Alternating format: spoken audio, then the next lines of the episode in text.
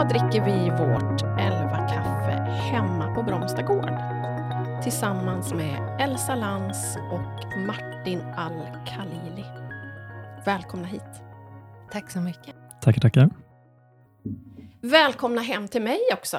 Ja. Tack. Vi har Tack. börjat den här morgonen, eller den här dagen, med en lång resa ut på landet. Mm. Mhm. Strejk på, på tåget. Ja! Och bilen knacka, men eh, Uber leverera. Var det mycket trafik?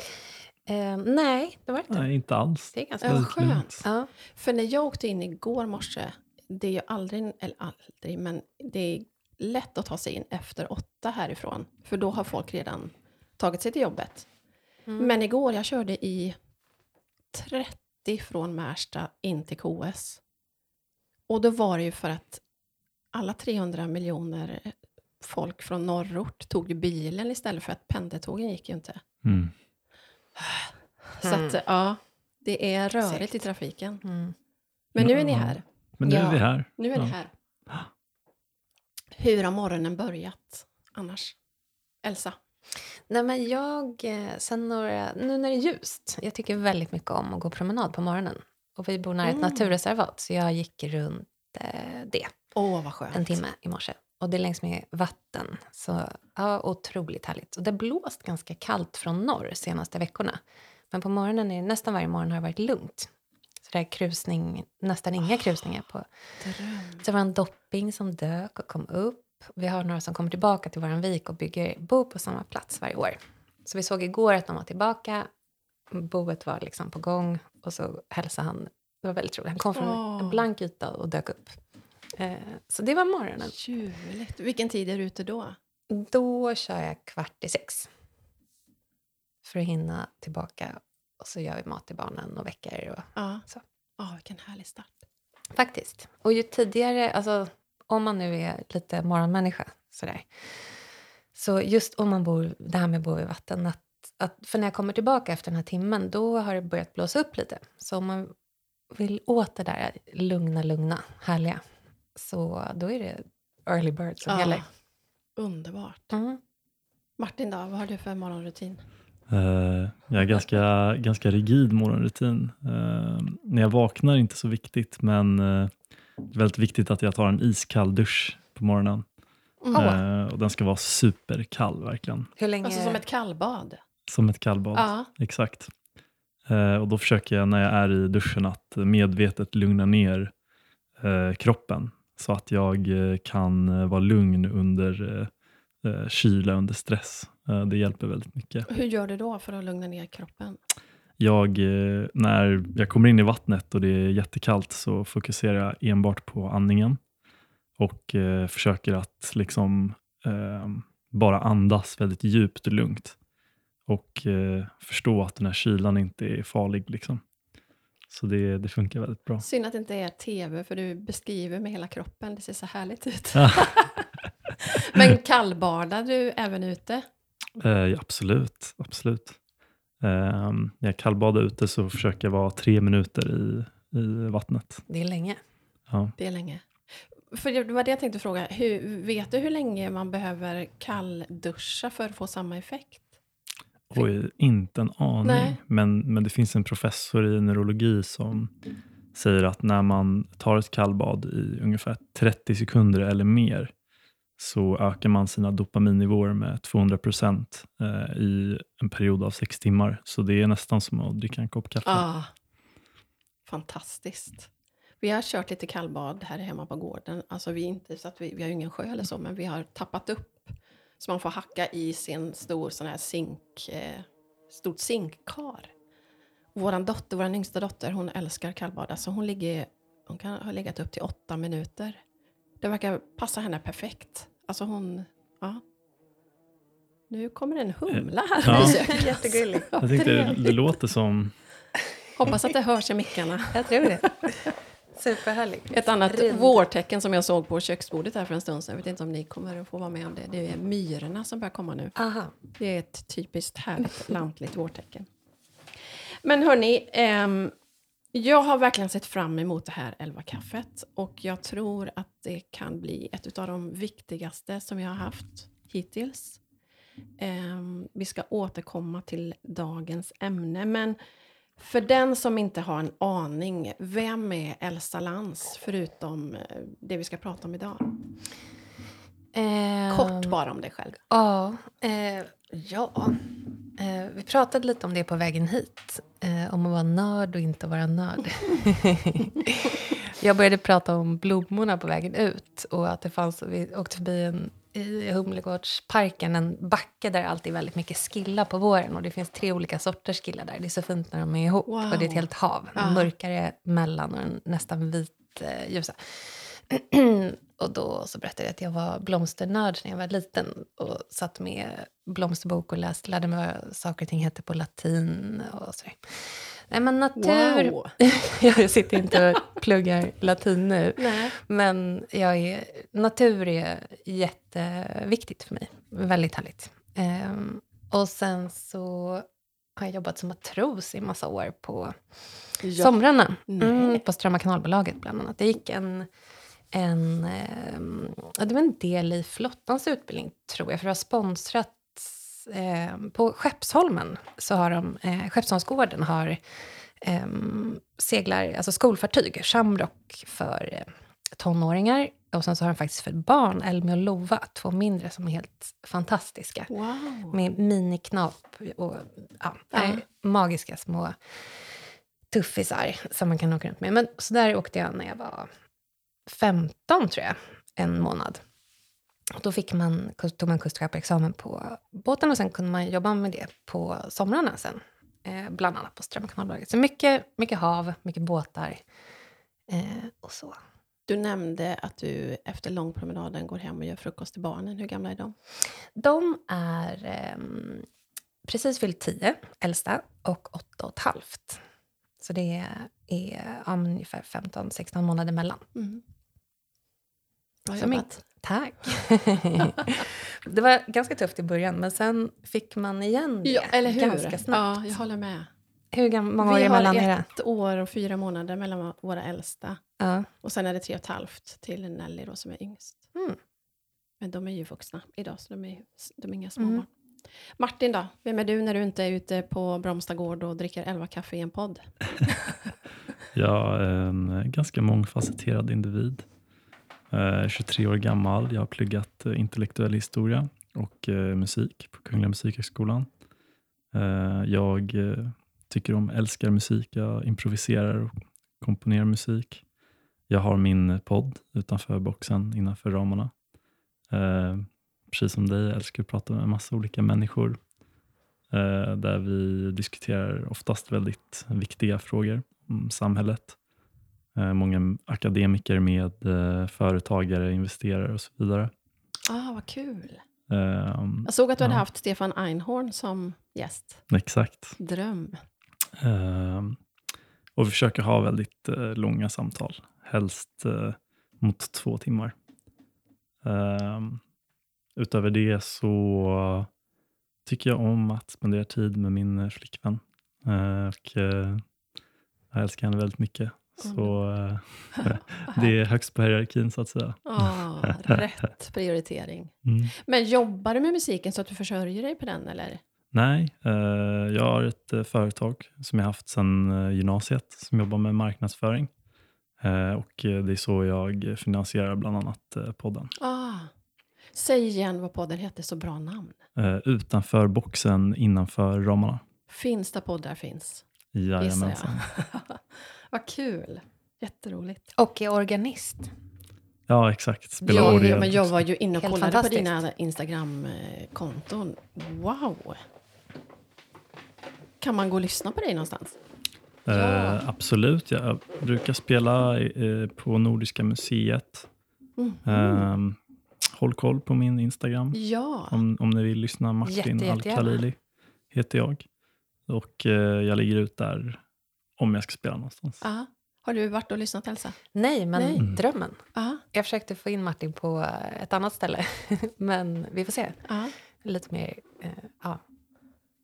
Spännande. ja.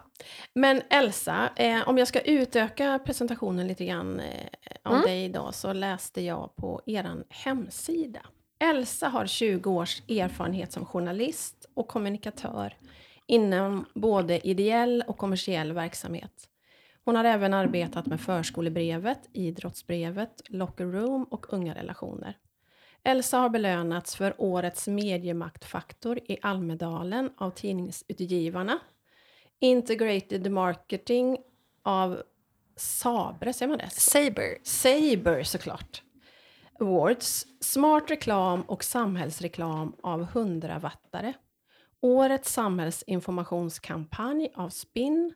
Årets mest kreativa läsning och Årets samhällsengagemang av Gyllene hjulet. Det är ju värt en applåd. Tack snälla. Fantastiskt. Jag gissar att det här har med organisationen som du har startat och driver. Nej, det var göra. innan faktiskt. Det var innan? Ja. Ah. Ehm, jag träffade Sandra Kanakaris som sen blev en nyckelspelare i mina nästkommande, ja nu har vi känt varandra i, vad kan det vara, 13-14 år kanske, i Almedalen. Hon var eh, verksamhetsledare för det som sen blev Tusen möjligheter och unga relationer, som då hette Järfälla tjejjour. Eh, då jobbade jag nyexad och jobbade på en PR-byrå. Och eh, min första kund var en reklambyrå som hette Gyro. Eh, och deras först, den första kampanjen som vi gjorde tillsammans med dem eh, var och blev Bordellen i Almedalen som var på uppdrag av eh, Järfälla tjejjour och finansierades av Länsstyrelsen. Så för ganska långt innan vi sen drog igång Porrfri barndom så eh, fick jag en väldigt, väldigt eh, bra introduktion till eh, det ämnet. Eh, och det var en samhällsinformationskampanj för att öka kunskapen om baksidorna med prostitution och trafficking, inklusive pornografi. Ah. Så det var en väldigt bra start. Och i den här, eh, det allra första mötet med den här reklambyrån på det allra första, på det första jobbet, på det första första av allt första, Mm. så eh, går det se... Jag var väldigt fokuserad, för jag var nyexad och visste inte riktigt vad jag pratade om och gjorde mitt allra bästa för att vara fokuserad i mötet. För bredvid mig hade jag min vd och eh, vice vd på den här reklambyrån som var kunden. Ja, extremt fokus. Men trots det enorma fokuset så var det någonting som tog min uppmärksamhet eh, genom en glasvägg. För då var det en otroligt snygg kille som kom in, man, i eh, lobbyn. Eh, och ja, han var bara så här, dro, trots allting så drog han uppmärksamheten. och han står och tittar, och jag ser att han står och tittar på mig. Och sen så börjar han röra sig och make the walk utanför glasväggen. Och då låtsas han att han ska gå in och hämta, för han har sett samma sak. Han såg mig, jag såg honom. Så han låtsas att han ska hämta en laddsladd till sin dator för att få tillfälle att gå in och säga hej. Och det är min man, Emanuel, som vi drog igång den här eh, organisationen med. Wow. Och, så vi gjorde, jobbade tillsammans i det här uppdraget. Vi träffades, det var väldigt mycket bra outcome Ja, från... hur- bordellen i Vad Almedalen. snackar vi? Hur länge sedan är det här? Ja, det är en bra fråga. Jag, jag har dyslexi, jag glömmer alltid allt som har med siffror att göra. Men det jag skulle säga att det var... Vi har varit gifta, vet jag, i 11 år. Och vi var ihop ett år innan det. Jag skulle säga att det kanske är 13 år sedan. Mm. Typ så. Vilken underbar story. Ja, men det var, det var verkligen väldigt härligt. Eh, verkligen. Väldigt bra start. Och i Almedalen i Visby, sommar, sol. Ah, dröm. Ja. Kan inte Och bli bättre. Nej, och den där, vi nådde ut väldigt bra med den där bordellen. Vi satte upp en fejkad eh, eh, bordell som hette, bara döpte till Bordellen i Almedalen för att slå igenom mediebruset. Eh, och det gjorde vi eh, väldigt bra. Ah, wow. Eh, och fick tillfälle att prata om baksidorna. Ja. Så det var grymt.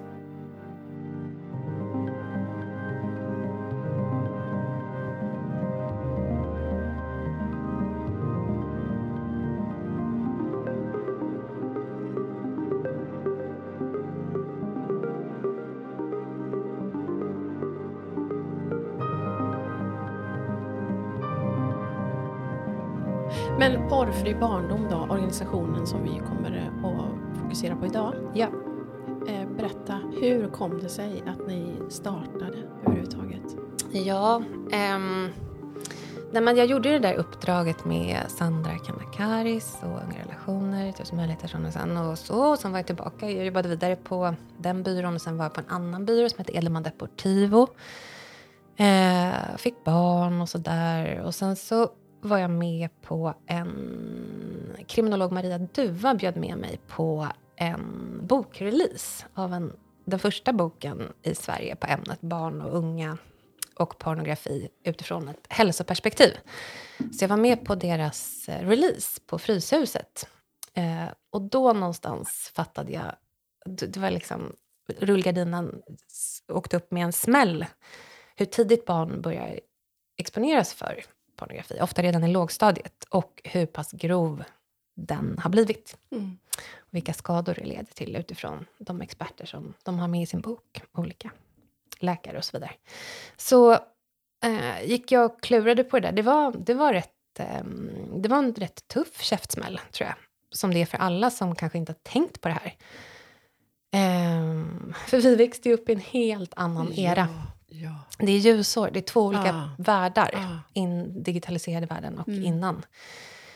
Eh, och det som hände, om man bara backar det bandet lite kort, är ju att för ungefär 15 år sedan så eh, kom liksom Tube, alltså tänker Youtube, Tube-format av porr.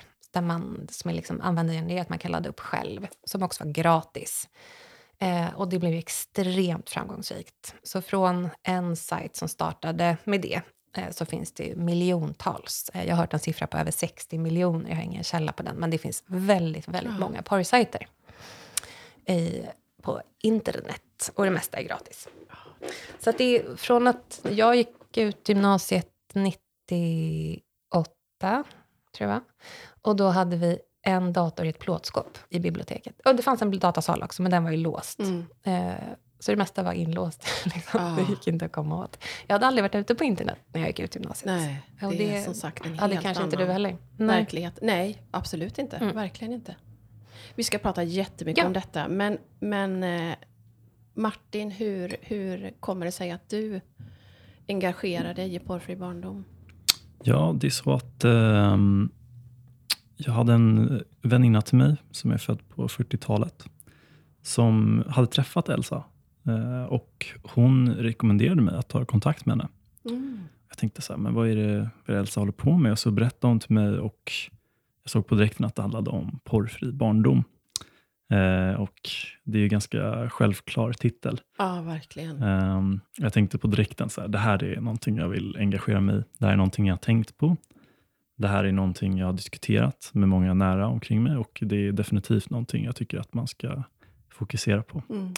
Så eh, ja, jag var på det Elsa ganska mycket. Ja, Försökte det var ju verkligen faktiskt. lägga Du började tid. tidigt i höstas. Ja, exakt. Och det blev ett ja i typ februari eller något sånt där. Ja, exakt. Jag var verkligen konsistent. Men jag har sjukt mycket att göra. Mycket på bordet. Ah.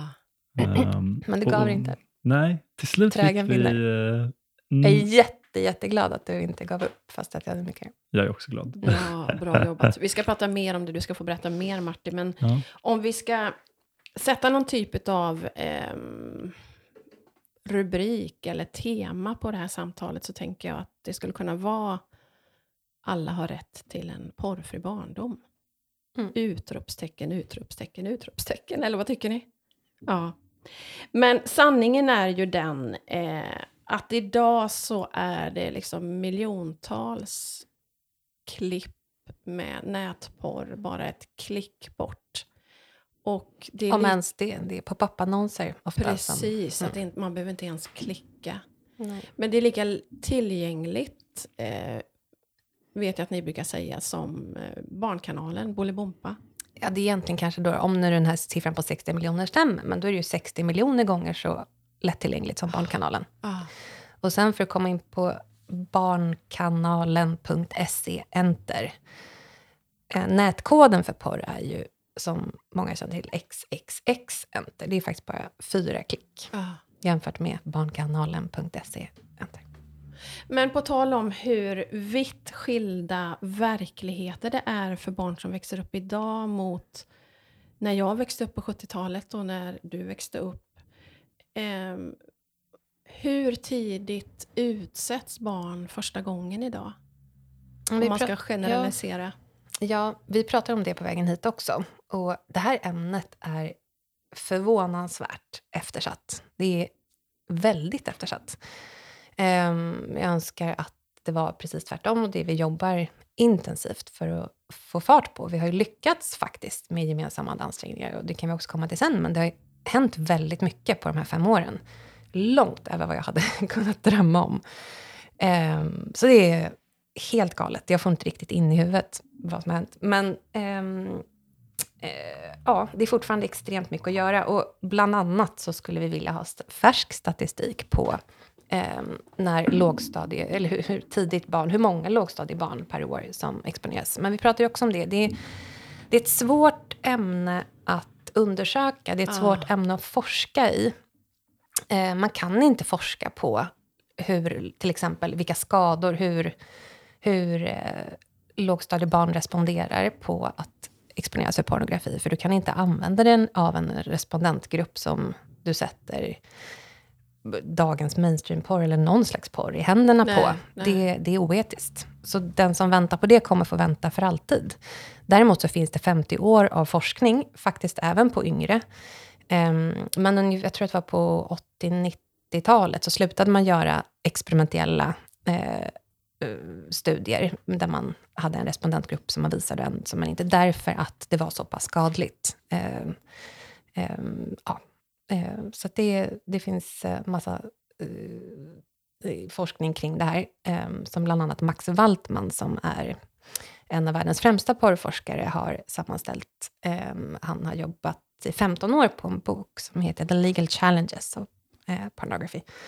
Ehm, men ehm, svar på din fråga. Ehm, ja, vi vet eh, Magdalena Mattebo vid Uppsala universitet, hon har eh, forskat på detta och hennes siffra visar att snittåldern är ungefär 13 år för att aktivt själv söka efter porr, alltså gå in och sätta sig och googla. Eh, och vi vet från Storbritanniens regerings regeringsundersökning att 64 procent av alla förstagångsexponeringarna var by accident. Så de, ja, majoriteten exponeras inte när de sätter sig och googlar, utan det är eh, en pop-up-annons eller att det flashar förbi eller någon som visar är väldigt vanligt. Och om man då skulle göra en snittålder på de här 13 år så förmodligen, då är det ju absolut yngre också eh, än så. Ja. Eh, så. Och sen så eh, får vi väldigt många vittnesmål på att lågstadiebarn eh, exponeras. Eh, så det är inget snack om saken. Jag brukar jämföra med eh, KP, Kamratposten, som jag hade, i, som när den damp ner i lådan när jag var liten.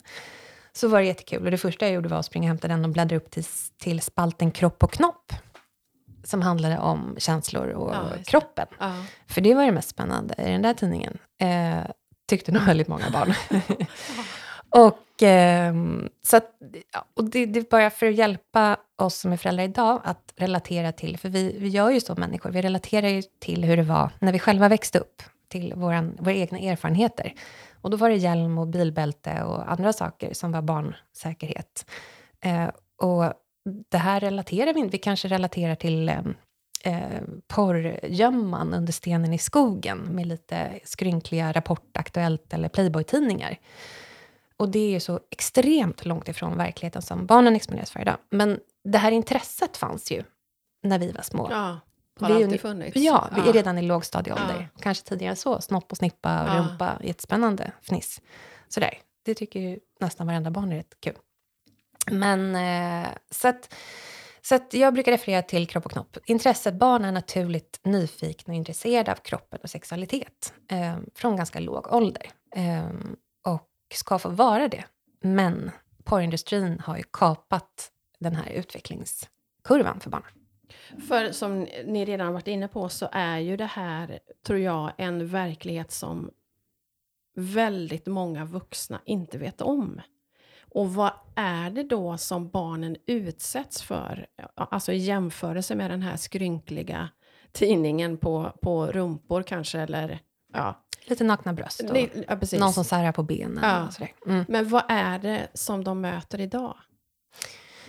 Vill du Martin? Mm, jag kan ta den. ja. ja men, men, först och främst också, liksom, också som svar på din första fråga, att det, det är väldigt svårt att hitta konkret statistik som visar att barn eh, under tio, hur ofta de exponeras ja, för pornografi. Ja. Det är jättesvårt att, att liksom kartlägga någonting sånt. Det är jättesvårt eh, och oetiskt att forska eh, på unga barn och pornografi. Eh, och vi jag tycker inte att vi ska behöva forskning för att jobba preventivt mot Nej. det här. Utan vi kan själva förstå att majoriteten av det som finns på internet är pornografi. Det är en av de mest sökta sakerna. Och att majoriteten av barn har tillgång till internet. Och utan tvekan så kommer det någon gång ske att barn under tio år kommer att söka efter någonting eller råka att se någonting. Och självfallet ska vi då försöka jobba preventivt mot det. Jag tycker inte att vi behöver ha konkret forskning för att försöka Nej. jobba preventivt, för inget barn ska behöva utsättas för något sånt. Good point. Ja, verkligen. Superbra. Um, och som svar på det också att jag har pratat med massa killkompisar i min ålder. Och tyvärr, eh, majoriteten av dem rapporterar att när de var under 10 så råkade de klicka på någonting, de var nyfikna. Eh, de ville lära sig helt enkelt. Och det finns inget fel på det. Eh, och så utsätts de för någonting väldigt traumatiskt. Eh, och de förstod inte vad det var de såg. De blev helt liksom chockade. Um, vilket sedan ledde till att de, de fick en extremt förvrängd syn av det intima, uh, av det sexuella. Och de, nästan så, de blev så avskräckta att de tog en sån distans från deras intima utveckling för att de upplevde det som så, så jobbigt. Uh, det ska inte behöva vara så. Uh, och tyvärr, det, det finns väldigt mycket statistik som visar att majoriteten av den pornografin som finns där ute är tyvärr våldspornografi. Eh, och så har det inte alltid varit, utan eh, under senaste tiden har det utvecklats till att bli så. Eh, och tyvärr så rapporterar många män, eh, speciellt många män som jag känner, att den pornografin som finns där ute är väldigt våldsam och håller på att bli mer våldsam. Ja, för någonting som jag vet att ni pratar om är ju att eh, på senare tid så eh, är det liksom porr med incest-tema. Mm. Vi för statistik för att, eh, sen ett halvår tillbaka eh, och vi kommer fortsätta med det under det här eh, projektet som vi har för Allmänna arvsfonden, den New Normal. Eh, och då samlar vi in de första titlarna eh, på fyra av de största porrsajterna på startsidan för att se liksom bara ett enkelt sätt att, att leta nyckelord, vad det är för kategorier och så vidare. Så man får in ganska mycket information av titlarna. Eh, och det är också det som är intressant, därför att vi, i, det, i och med att det finns så extremt mycket porr så finns det ju självklart något med allt. Det finns eh, eh super, det finns ja, liksom det som vi relaterade till i de här gamla Playboy-tidningarna, mjukporren, absolut, det finns där. Men du får leta rätt länge för att ens hitta det, för det är inte clickbaits idag. Um, men det vi är intresserade av, det är ju det som barnen exponeras för. Det är det vi kallar för mainstream-porr, alltså det som är på startsidorna på de här största hubbarna. Eh, Pornhub har, eh, bara där finns det över 4 miljoner filmer. De raderade 10 miljoner filmer för ett par år sedan på grund av eh, att det hade varit så pass många barn med i filmerna. Uh, jag tror att den yngsta hade varit fyra år. Um, Internet Watch Foundation hade kartlagt, som jag förstod, över hundra barn bara på Pornhub, för det finns ingen åldersverifiering eller identifierings eller samtyckesverifiering på de som medverkar i filmerna. Så det kan vara uh, ja, precis hur, uh, vilka som helst omständigheter som helst som, med de som är med där. Men um, Eh, nu tappade jag bort mig. Vad pratar jag om? Hur... Vad pratar jag om? eh, jag kommer inte ihåg. Hur det såg ut? Nej. Jo, statistiken höll jag på att prata om. Ja, eh, att vi samlar in de här titlarna. Ja, och då har vi ju kunnat se hur pass mycket av, hur pass vanligt det är eh, med just familjetema som till och med kallas för incest porn. Eh, och senast jag var inne på Pornhub som då är en ska vara den mest populära porrsajten, eh, så var de fyra första titlarna på startsidan hade incest i rubriken. Bland annat Dad likes to, like to watch son molest daughter var en av dem som låg allra högst upp. Eh, och ett barn som... Jag skulle inte må bra om jag såg den filmen, så jag klickar inte igång den filmen, självklart, eh, för egen del. Men ett barn som ser en pappa förgripa sig på... Nej, ser en son som förgriper sig på lilla syster. Eh, det, som Martin sa, vi behöver inte ha forskning Nej, för att veta precis. att det här är mycket skadligt. Och jag tänker, eh, alltså min reflektion när ni pratar nu är ju, alltså idag om du är ute på restaurang och även i hem när man umgås med människor så är ju barnen ett, ett och ett halvt år när de sitter och käkar framför skärmen. Mm. Eh, de, de är ju inte mer än ett par år och knappt det innan de kan öppna och komma in på en mobil. Mm. Så som du är inne på Martin så, så behöver man ju inte tänka särskilt många tankar innan man förstår att det är ju jättelätt tillgängligt. Och Mm. framförallt det här att man utsätts för det så långt innan man själv söker upp. Mm. Ehm, ni har ju en forskning som ni relaterar till där 98% av pojkar i Sverige har sett porr i barndomen eller i tonåren. Eh, och då har man forskat på 4 339 stycken och Mm. 75% av tjejer Mm. i någon annan eh, studie. Martin, hur gammal var du när du själv utsattes för, måste man väl ändå säga? eller såg, eller? Mm. Eh, nej, men eh, jag tror att jag var nio år gammal faktiskt, första gången.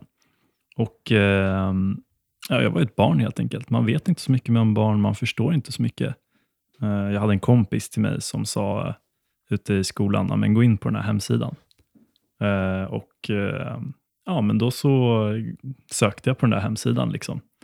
Eh, och Sen så kom det upp eh, väldigt våldsam pornografi. Eh, och för mig som nioåring, det var väldigt traumatiskt att se det. Jag förstod inte vad det var jag kollade på. Eh, och jag blev extremt chockad och äcklad av det jag såg, för det såg så onaturligt. Och, eh, alltså jag fattade liksom inte vad det var som hände ens. Eh, så ja, återigen till den här frågan om att ja, behöver vi forskning? Eh, behöver vi utsätta barn för det här för att vi ska förstå att det är skadligt? Mm. Eh, Nej, Eh, jag tror det är ganska självfallet att, eh, att det är skadligt. Vad finns det för, eh, vad ska man säga, alltså finns det konkreta skadeverkningar som man ser? Absolut. Eh, om vi går till det som är liksom förstahandsinformation som jag får från föräldrar från familjer så är det att barn eh, eh, får ångest. De blir väldigt rädda. Ofta, de har väldigt många barn som ser porr första gången ser någonting som är våldsamt och aggressivt. Vi kan bara nämna några av de vanligaste grejerna. Vi var inne på incestporr. Den är supervanlig.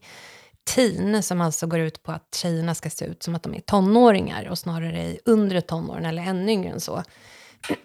med nej, tofsar i barnflickrum, med nallebjörnar Eh, och eh, Barely Legal. Eh, de två kategorierna framför allt, teen är ju, som Martin nämnde, det är liksom den absolut vanligaste, största kategorin. Det har tillverkats flest miljoner filmer på just det här. Så att det barn kommer se på de här stora eh, startsidorna, inte ens leta sig, scrolla och hålla på, utan på, bara när de kommer rakt in. Och det ska också tilläggas, när man kommer in på Pornhub, då börjar filmerna rulla av sig själva. Om du bara att du lägger musen över så den rullar, du behöver inte ens klicka. Nej. Utan, så man får det här rakt i näsan. Sen har du ju ads, olika advertising runt omkring eh, som också är, är porr. Så att du, så fort du kommer in så kommer du exponeras för porr. Och det finns inte en... För, förr var det ju sådär, men är du över 18 år, helt meningslöst kan man tycka, men det var åtminstone ett litet eh, en varning för den som fattar att aha, så man måste åtminstone klicka sig vidare för att komma in. Men nu kommer det bara rakt in, pang bom, det här spelas upp mitt framför näsan på barnen. Gagging, att mannens kön trycks så långt ner i tjejens hals, så långt så att hon gaggar på engelska, alltså får svårt att andas eller och börjar kvälja. Väldigt vanligt. Eh, hårt analsex som inte går ut på att kvinnan ska eh, förberedas och få någon form av njutning av det här utan snarare att hon ska få ont. Eh, en titel som också låg på de här startsidorna var Oops, I broke her ass, she won't be able to walk for a week. Eh, det var en annan titel då som, alltså det är ganska talande i sig. Um, och då första bilden var en tjej som ligger på alla fyra. Hon ser ganska liten ut, ser ut som en ung tjej. Och rumpan och en man som står och ska fista henne, trycker in knytnäven då i hennes anal. Um, så det är ofta grovt våld mot uh, tjejerna som utsätts. Och det är det här som barn ser. Och de allra flesta barn som vi har haft kontakt med, um, de reagerar negativt på det här. Uh, de mår dåligt. Um, ofta alltså barn har ju lärt sig från förskolan och som vi uppfostrar barn, det är inte okej okay att göra illa en annan person. Eh, verbal aggression, alltså att du eh, uttrycker elaka saker, är också jättevanligt i porren. Eh, bitch, whore och så vidare. Nedvärderande, kränkande ord. Det är också barn lärt sig, så säger man inte till någon. Eh, så de, de allra flesta barn tycker att det är obehagligt och reagerar eh, liksom negativt. Sen blir man ofta nyfiken och vill gå tillbaka. Psykologer förklarar för oss att det gör man bland annat för om de har varit med om någonting traumatiskt så är det på något vis som att eh, psyket vill ta dig tillbaka dit och eh, överbemästra den här obehagliga känslan. Du vill kunna ta kontroll över det som var obehagligt. Eh, någon slags eh, ja, men liksom självteraperande ja mekanik som verkar vara mänsklig och vanlig. Eh, plus att barn som är med om någonting obehagligt vill oftast inte sitta helt själva med det, men man går sällan till en vuxen. Man visar oftast sin kompis som man har nära till hands. Och på så vis så sprids det här. Eh, så många barn mår dåligt och det de uppger då är att de får svårt att sova. En pojke sa, jag vill inte blunda, jag, jag vill faktiskt hellre dö än att blunda och somna och se dem göra illa den här tjejen igen. Eh, så sömnsvårigheter är vanligt. Eh, ja, ångest, rädsla. Eh, en flicka som jag pratade med hennes mamma nyligen och då, hon hade väldigt svårt att eh, relatera till pappan på ett normalt och bra sätt efteråt. Vill inte krama pappan. För hon kopplar ihop honom med det här obehagliga som hon har sett. Ska han göra så här mot mig eller mina syskon? Alltså den typen av eh, effekter är ju ganska logiska när man tänker efter. Man ser grovt sexuellt våld, förnedrande och då ofta av män som ser ut att göra det mot vad det ser ut att vara, eller är, minderåriga barn. Så ja, det var det. För det var också en fråga som jag tänkte på. Eh, just det här kring beroende är vi ju ganska upplysta om idag. Att, att porren faktiskt blir ett beroende, precis som en drog. Kan även barn bli Alltså porrberoende? Eh, så man måste börja med att säga att det finns ingen psykiatrisk diagnos för porrberoende än. Mm. Det har varit uppe till, eh, jag tror att de heter American Psychiatrist Association som, som liksom uppdaterar den här så kallade beroendebibeln eh, årligen. Och det har varit uppe till diskussion där, eh, men då menade man att man inte hade tillräckligt med forskning. Det finns forskning på detta, men man menade att det inte fanns tillräckligt. Så det är inte en fastställd diagnos. Sen ska vi också kanske komma ihåg att det tog några år innan dataspelsberoende blev en diagnos och så vidare. Det går inte alltid så fort som man... Det är ju omöjligt att forska i kapp sin samtid, framför allt sin digitala samtid, för det går ju väldigt fort framåt. Men det vi vet som är alldeles solklart är att väldigt många söker hjälp för det här. Många eh, upplever att de inte kan sluta titta, helt enkelt. Eh, och ja, tyvärr så blir vi kontaktade av barn. Den yngsta som jag har fått kontakt med var 13 år.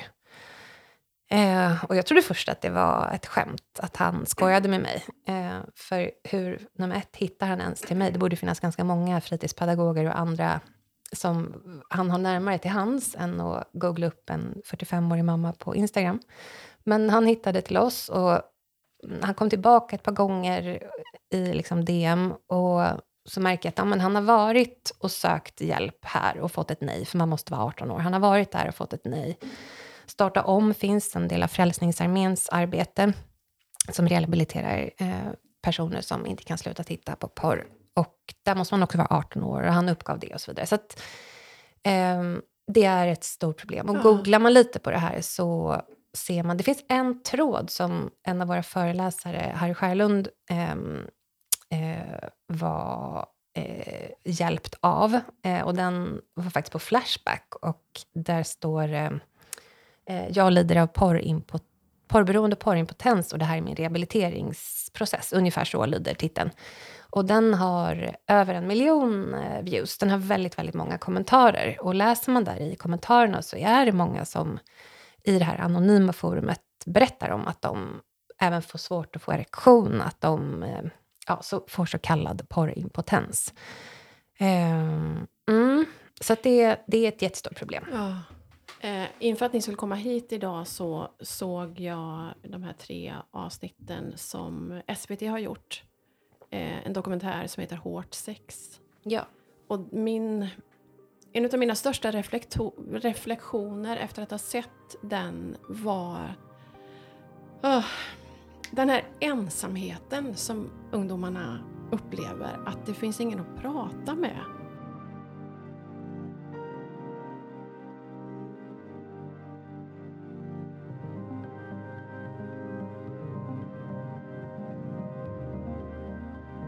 Hur, hur ser du på det Martin? Hur går snacket liksom i, bland dina kompisar? Absolut. Eh, jag brukar ju säga att eh, det blir så när man är ute, eh, kanske på krogen, eh, efter några öl och eh, så börjar man prata upp lite. Och så säger till och med killar i min ålder, 20-årsåldern, som säger till mig att ja, men jag, jag, men jag hade sex på det här sättet som var väldigt aggressivt. Så jag, jag, ville inte det egentligen, utan jag gjorde det för att det förväntades av mig. Eller exempelvis, eh, ja, men det var en tjej som tog min hand och la den på hennes hals utan att jag ville det.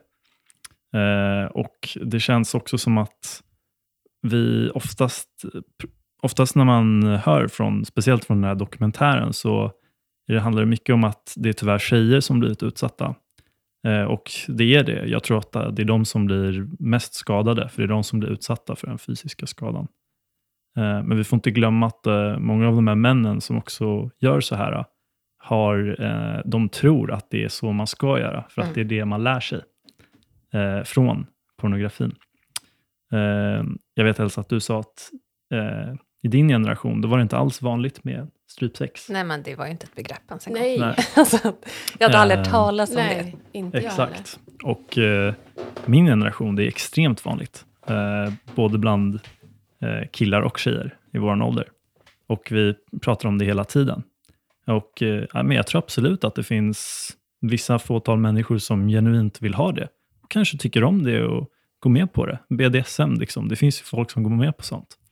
Men jag tror att den överrepresentationen som har kommit under de senaste åren och hur normalt det har blivit med den här våldspornografin och hur mycket det har ökat jämfört med förut. Liksom, och återigen, jag har ingen liksom, statistik utan jag pratar enbart anekdotiskt. Mm. Men jag tycker att vi måste kunna utgå från det för att det är så svårt att hitta statistik ja. på de här sakerna.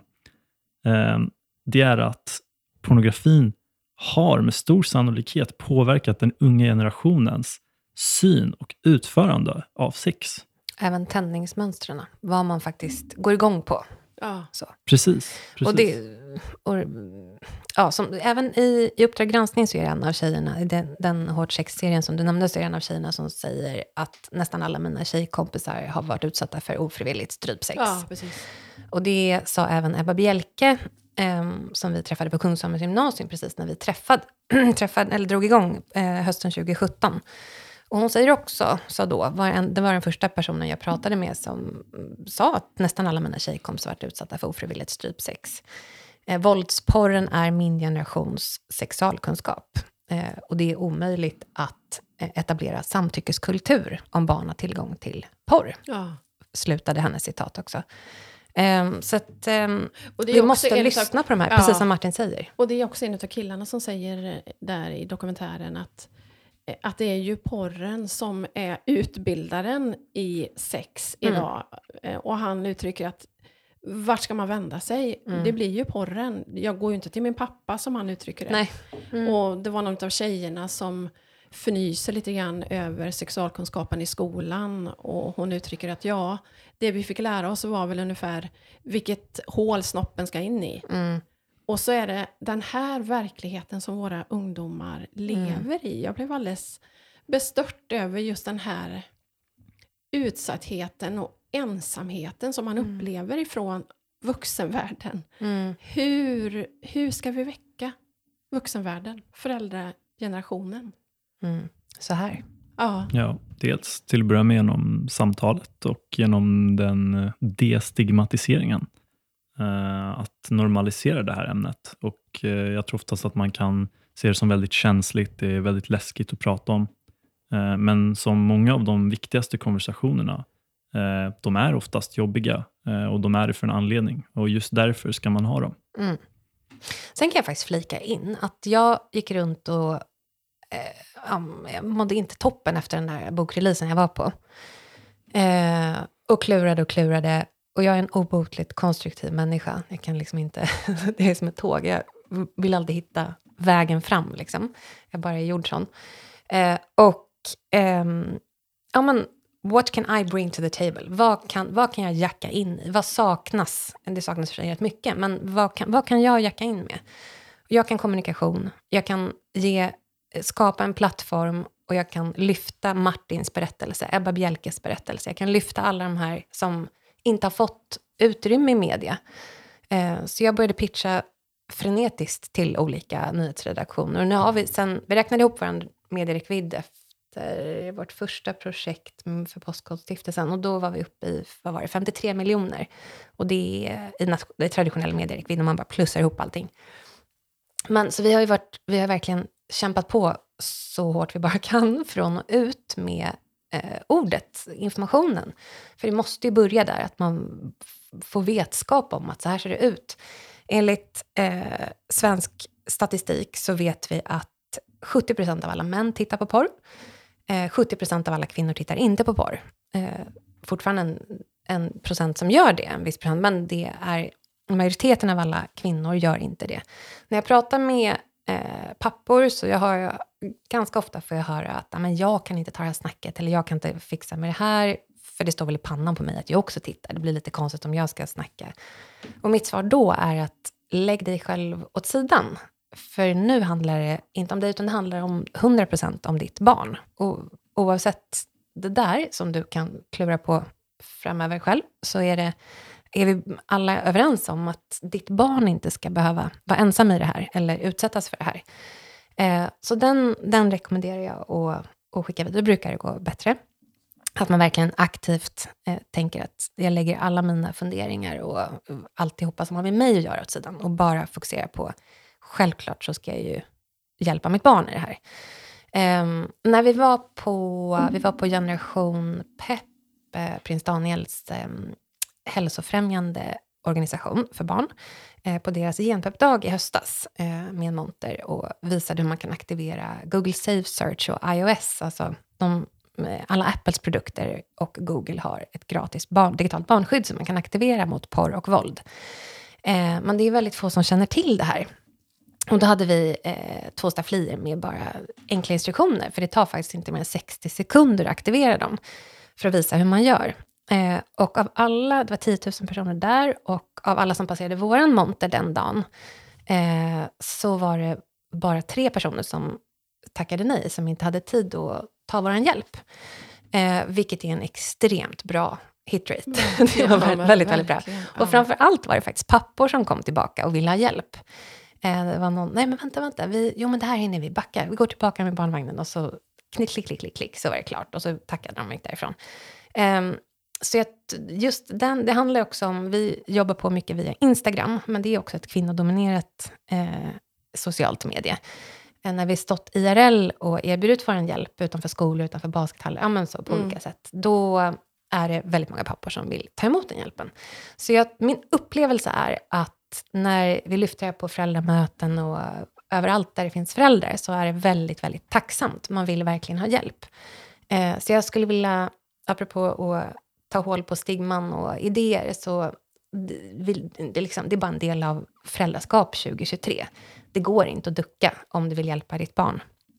Och eh, it's already out. Det, det är redan så många som jobbar Ja, med det här. ja. Man är inte först, utan det här är en, liksom en, en väldigt stor eh, eh, liksom, föräldrarörelse, eh, rörelse, eller vad man ska säga. Som, vi har över 100 000 föräldrar som har skrivit under våra namninsamlingar till exempel. Det är det är en no-brainer att inkludera porrprevention i eh, föräldraskap 2023. Ja, för det var en fråga jag tänkte ställa. Vad, vad säger vi till de föräldrar som lyssnar nu Mm. och får panik över Ja. det som deras barn utsätts för? Och då Mm. är ju det här med, med skyddet, att eh, sätta sky, porrskydd på sin mobil, på sina Mm. plattor och de enheter där barnen Mm. är. Det är ju verkligen ett enkelt sätt att skydda barnen. Men, men vad, För de vad kan ni, yngsta, Ja, för de yngsta. Mm. Precis.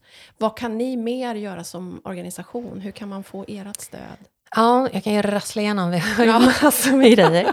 Men eh, porrförbarnen.se, där finns allt. Eh, det viktigaste skulle jag säga, det är att eh, liksom göra vår lilla trestegsraket. Ta snacket, åldersanpassat. Du behöver prata om det här innan det händer. Du ska inte vänta tills det har hänt. Du ska prata innan, för du vill ju hellre komma, förekomma porrindustrin. Ja.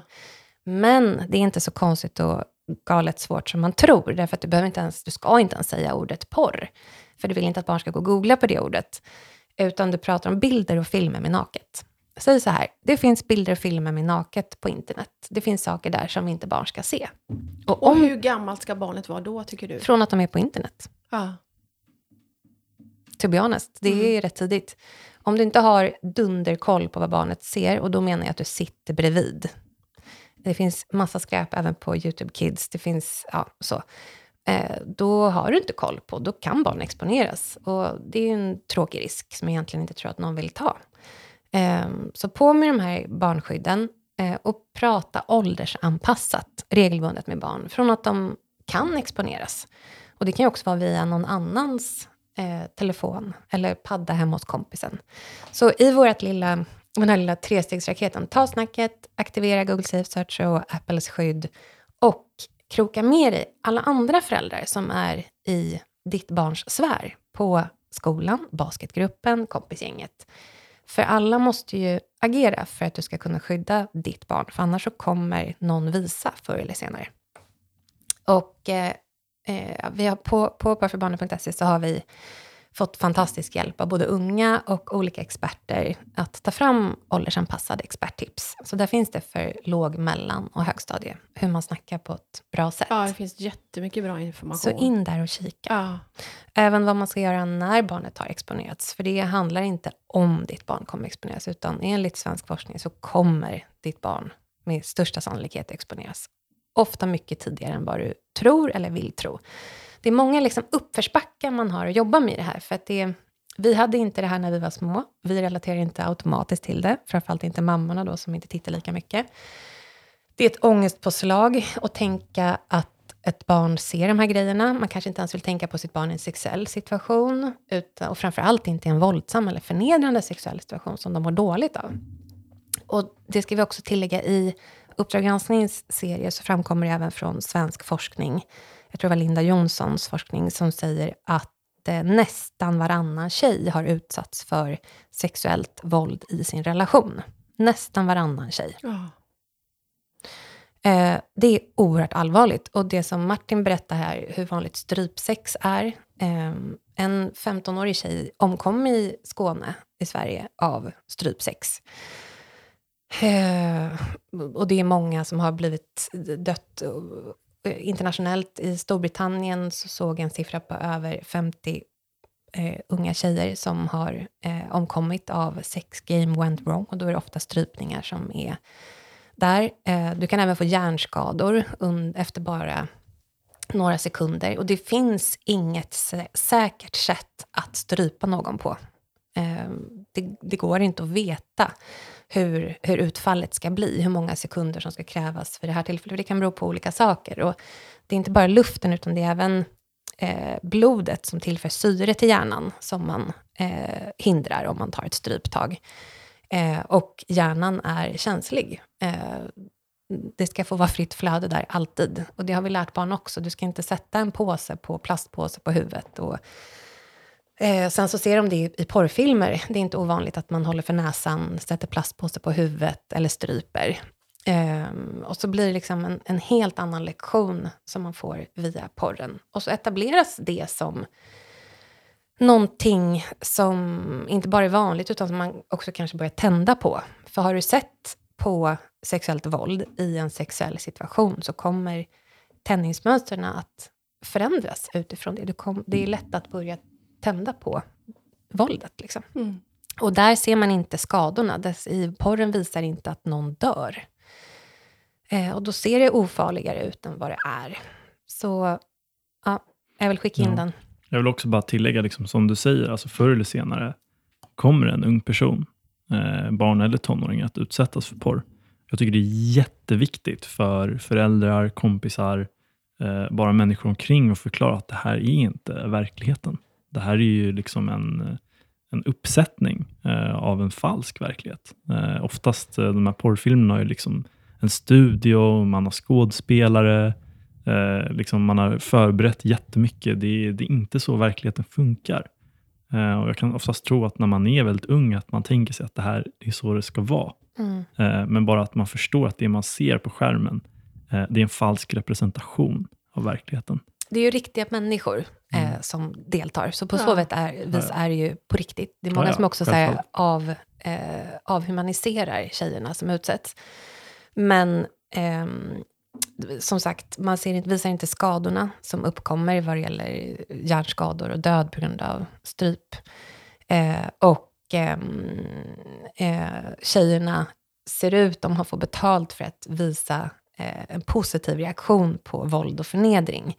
Eh, det är inte så att de får orgasm alla gånger i porr, utan det är fejkad orgasm många gånger. Eh, och det eh, skapar ju verkligen en, en felaktig bild.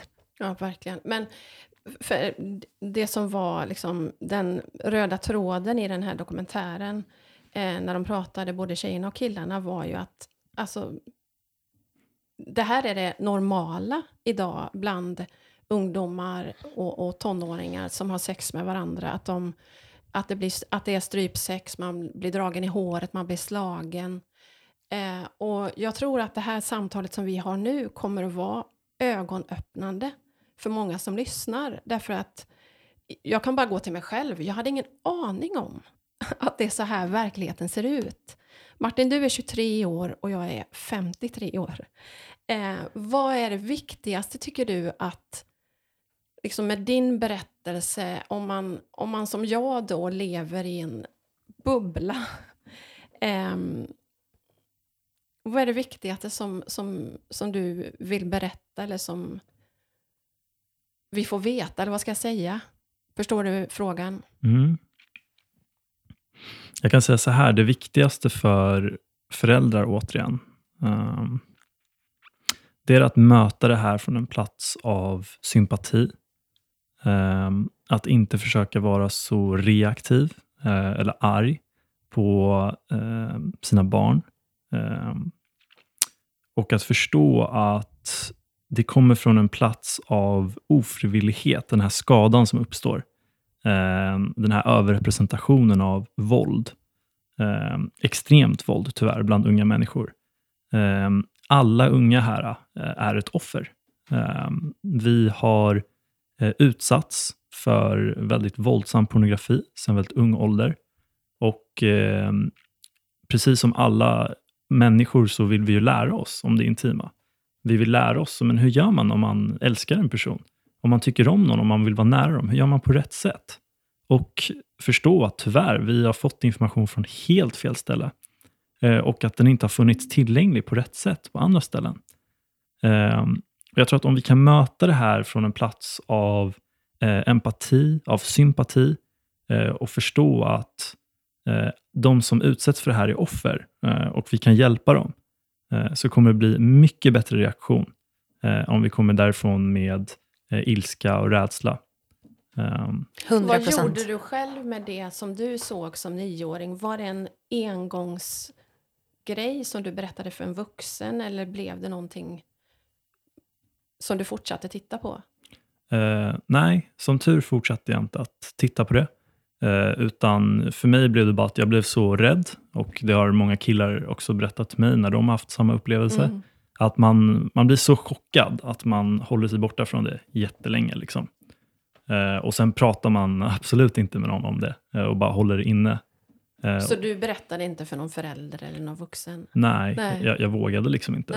Nej. Eh, De allra flesta barn gör ju inte det. Nej. Nej, utan för mig det var ju väldigt läskigt det jag såg och jag tänkte så här, gud det här kan jag inte berätta, det är ju hur hemskt som helst om jag berättar att jag sett något sånt här.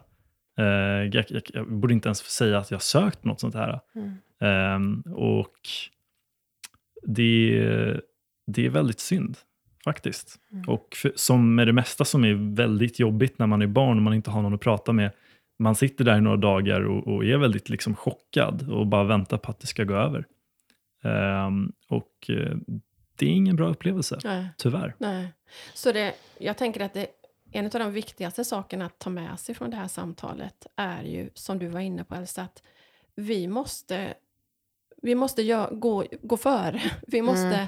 prata om det här innan barnen Mm. drabbas av det eller, eller ser första gången. Mm.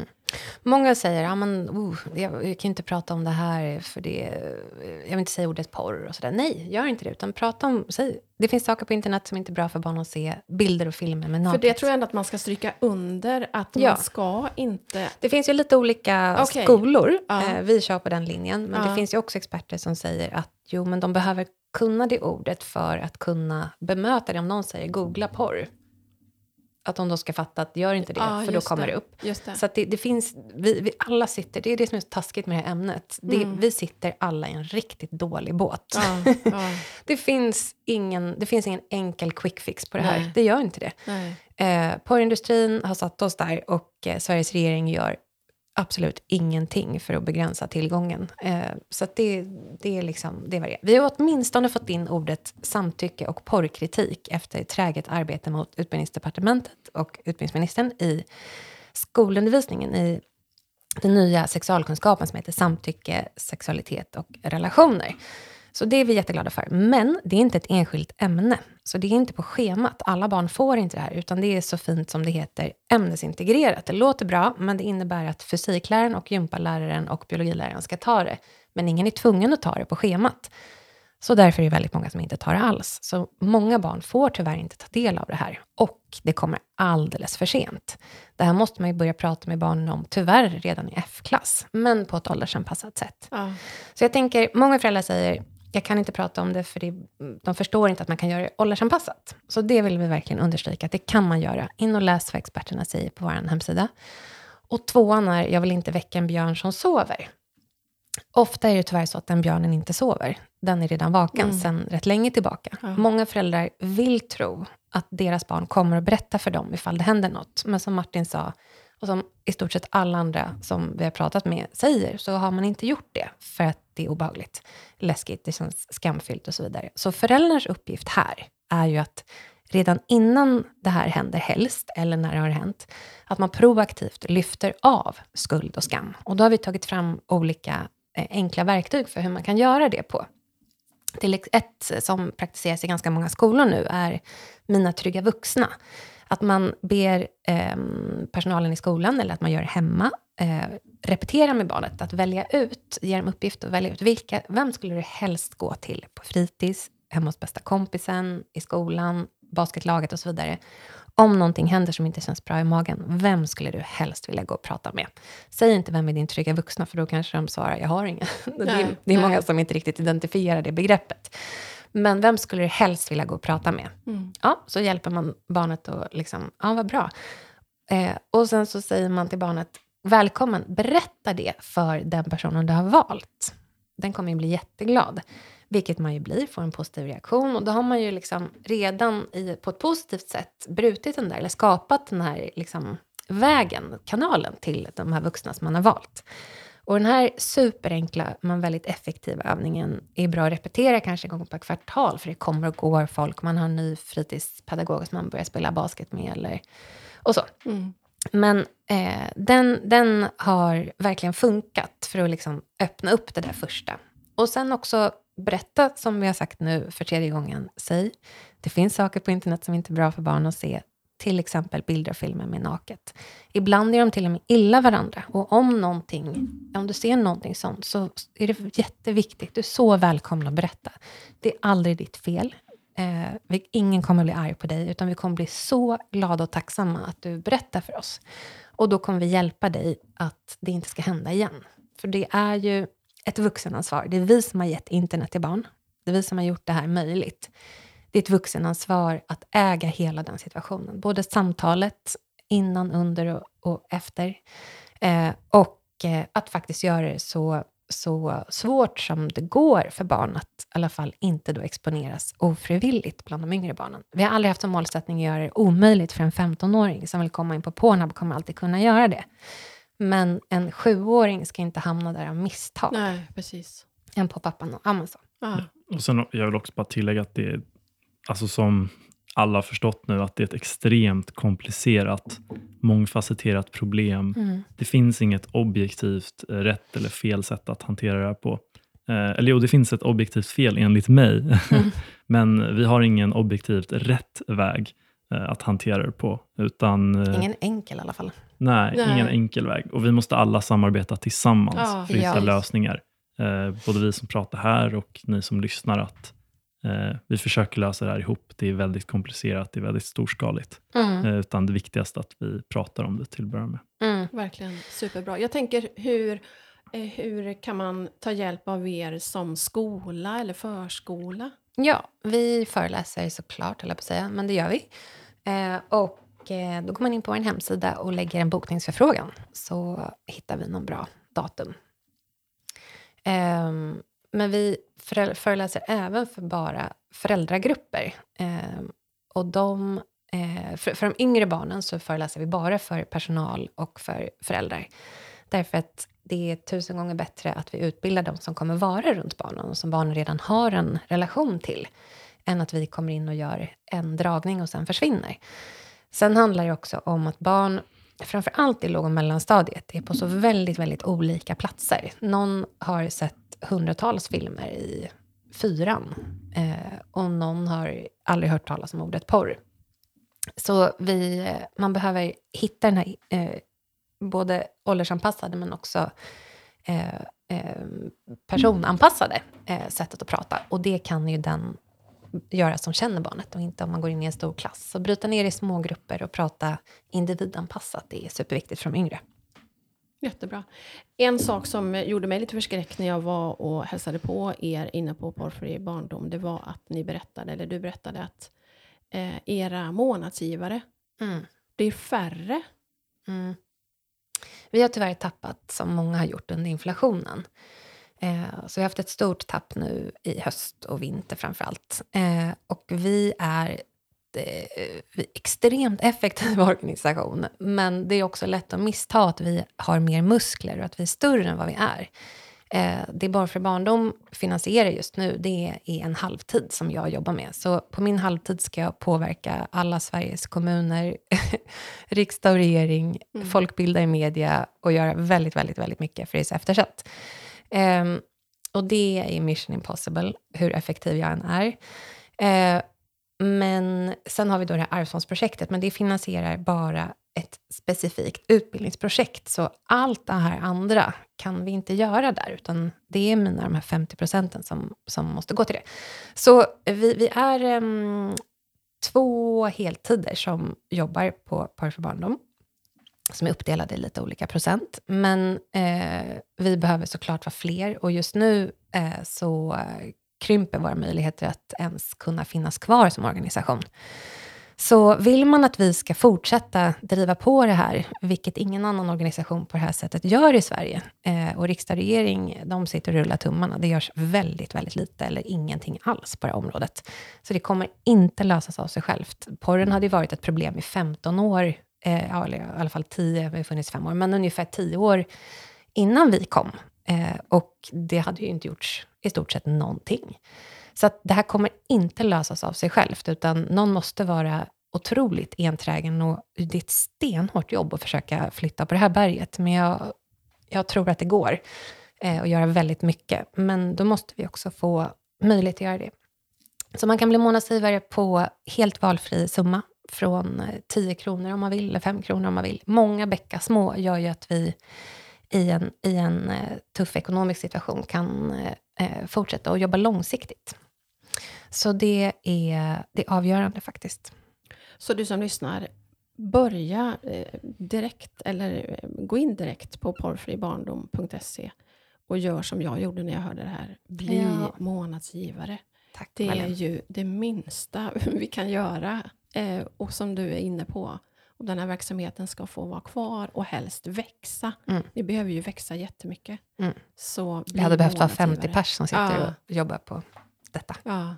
Bli månadsgivare och var med och gör skillnad. Och som du var inne på Martin, vi gör det här tillsammans. Det är verkligen enda sättet. Ja, och jag, vi, vi har pratat om föräldrar, vi har pratat om skolpersonal, men, men jag tänker att om du känner ett barn Yes. så är det här en aktuell fråga för dig. Och det gör vi alla. Mm. Så därför är det en fråga som vi alla måste engagera oss i på något ett eller annat sätt. Mm. Vi ska börja knyta ihop eh, det här samtalet. Är det någonting, Martin, som du skulle vilja tillägga? Något som du tycker att vi har missat eller som är viktigt att få med? Nej, faktiskt inte. Utan eh, bara som jag sa innan, att vi, vi försöker möta det här från en plats av empati och sympati. Mm. Vi förstår att alla barn och unga som utsätts för det här är offer. Mm. Och det vill jag verkligen understryka. Att, Mm. och, och, jättebra att du lyfter det, att man Mm. inte blir förskräckt eller liksom, när barnet berättar. Mm. Och man Vad- blir ju det många gånger. Ja, Eh, precis. Och då säger vi, försök att pausa det. Försök att ta ett djupt andetag och försök att pausa det. Och i stunden, för det är ju där och då du står med ditt barn, Mm. som behöver en ganska samlad förälder, som står pall, som orkar lyssna, orkar stå kvar. Det sista ett barn vill göra är ju dig och mig eh, arg, Nej, eller precis. ledsen, Nej. förtvivlad. De vill inte skapa obehagliga känslor i sina föräldrar. Det kanske är det sista de vill. Mm. Om de lyckas göra det, eller råkar att situationen gör det, då kommer de förmodligen inte komma. Då, liksom, sannolikheten att de ens kommer, hur fin relation ni än har, är väldigt låg. From the first place. Mm. Och om man då vid det här första tillfället, om barnet har varit modigt och kommit och sagt, om vi har för starka känslor, då minskar ju den sannolikheten att de kommer tillbaka ännu mer. Mm. Och det är barnskydd, ja. Men det, vi har, det enda vi liksom har att jobba med framöver, framförallt när de blir äldre, det är ju samtalet. Det är så otroligt viktigt. Så det måste man, med allt man har, måna om. Och då, ett sätt är ju också att dels pausa sina egna känslor. De, de kan man ta, man kan gå skrika en kudde sen efteråt. Men försöka pausa och fokusera på barnet.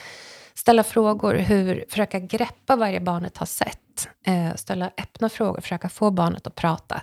Inte lägga ord i munnen, vi vill ju inte verbalt exponera. Vi ska inte börja prata om kukar i halsen. Förmodligen har de ju sett den här skiten, för det är det som ligger på de här startsidorna. Men ändå försöka låta dem prata.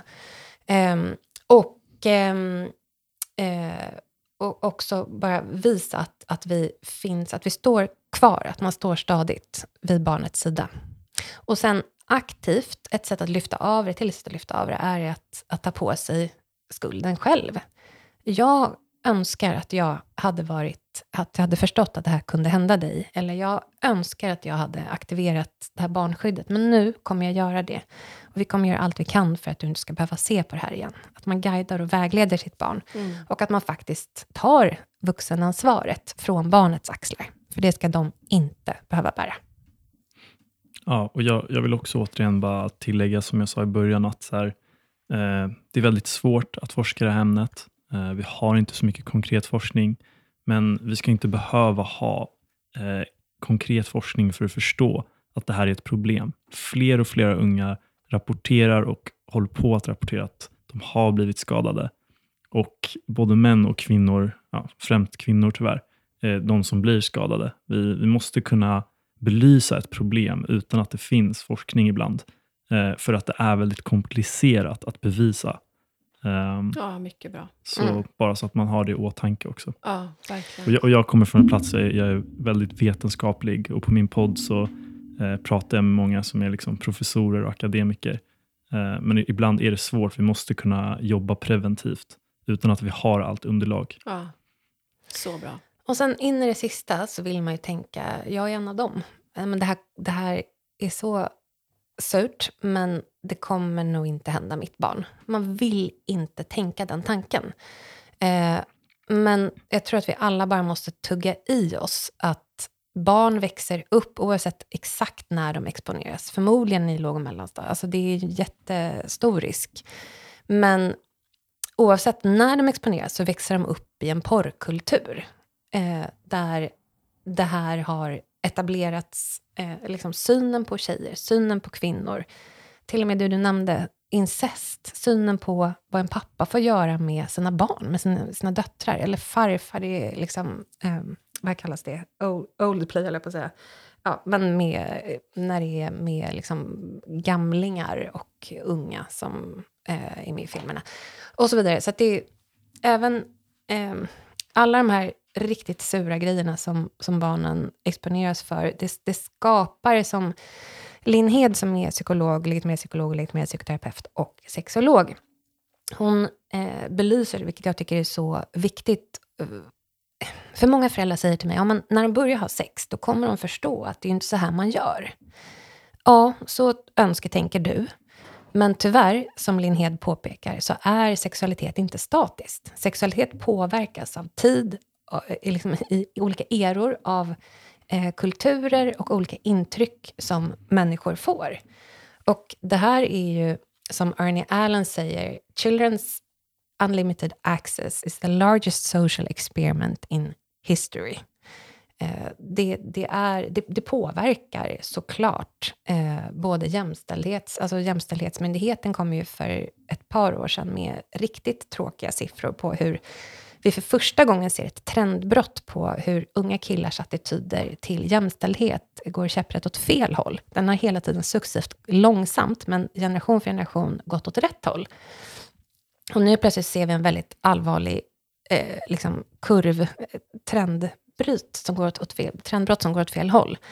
Eh, så det, påverkar, det påverkar så enormt mycket mer än vi ens vet om mm. idag. Mm. Jag och Martin som har grottat i det här och är rätt insatta, vi, inte ens vi fattar till fullo hur det här kommer påverka samhället framöver. Eh, men vi vet från 50 år av forskning, Max, Max Waltmans sammanställning, att där det står att män i normalpopulationen blir med statistisk signifikans mer sexuellt aggressiva av att se på både våldspornografi såväl som icke-våldspornografi. Alltså ser man även på mjukporr så har man sett i, med statistisk signifikans att det gör, eh, skapar mer sexuella aggressioner. Eh, främjar attityder vad gäller hora madonna-komplex eh, och så vidare. Och så vidare. Och det pratar man ju också om i den här dokumentären, ja. eh, forskning. Som Han är med där. Ja, mm. precis. Eh, så jag tänker att vi ska avsluta med att uppmana dig som lyssnar att se den här dokumentären. Ja. Um, jag var lite med bultande hjärta som jag satte på, men, men det är inte så att man utsätts för en massa våldsporr, alltså Nej. det man ser, utan framförallt, och det som är viktigt, mm. är att höra de här ungdomarnas berättelser. Vi behöver Japp. vakna upp som vuxenvärld. Så se den, gå in och följ Porrfri barndom på Instagram.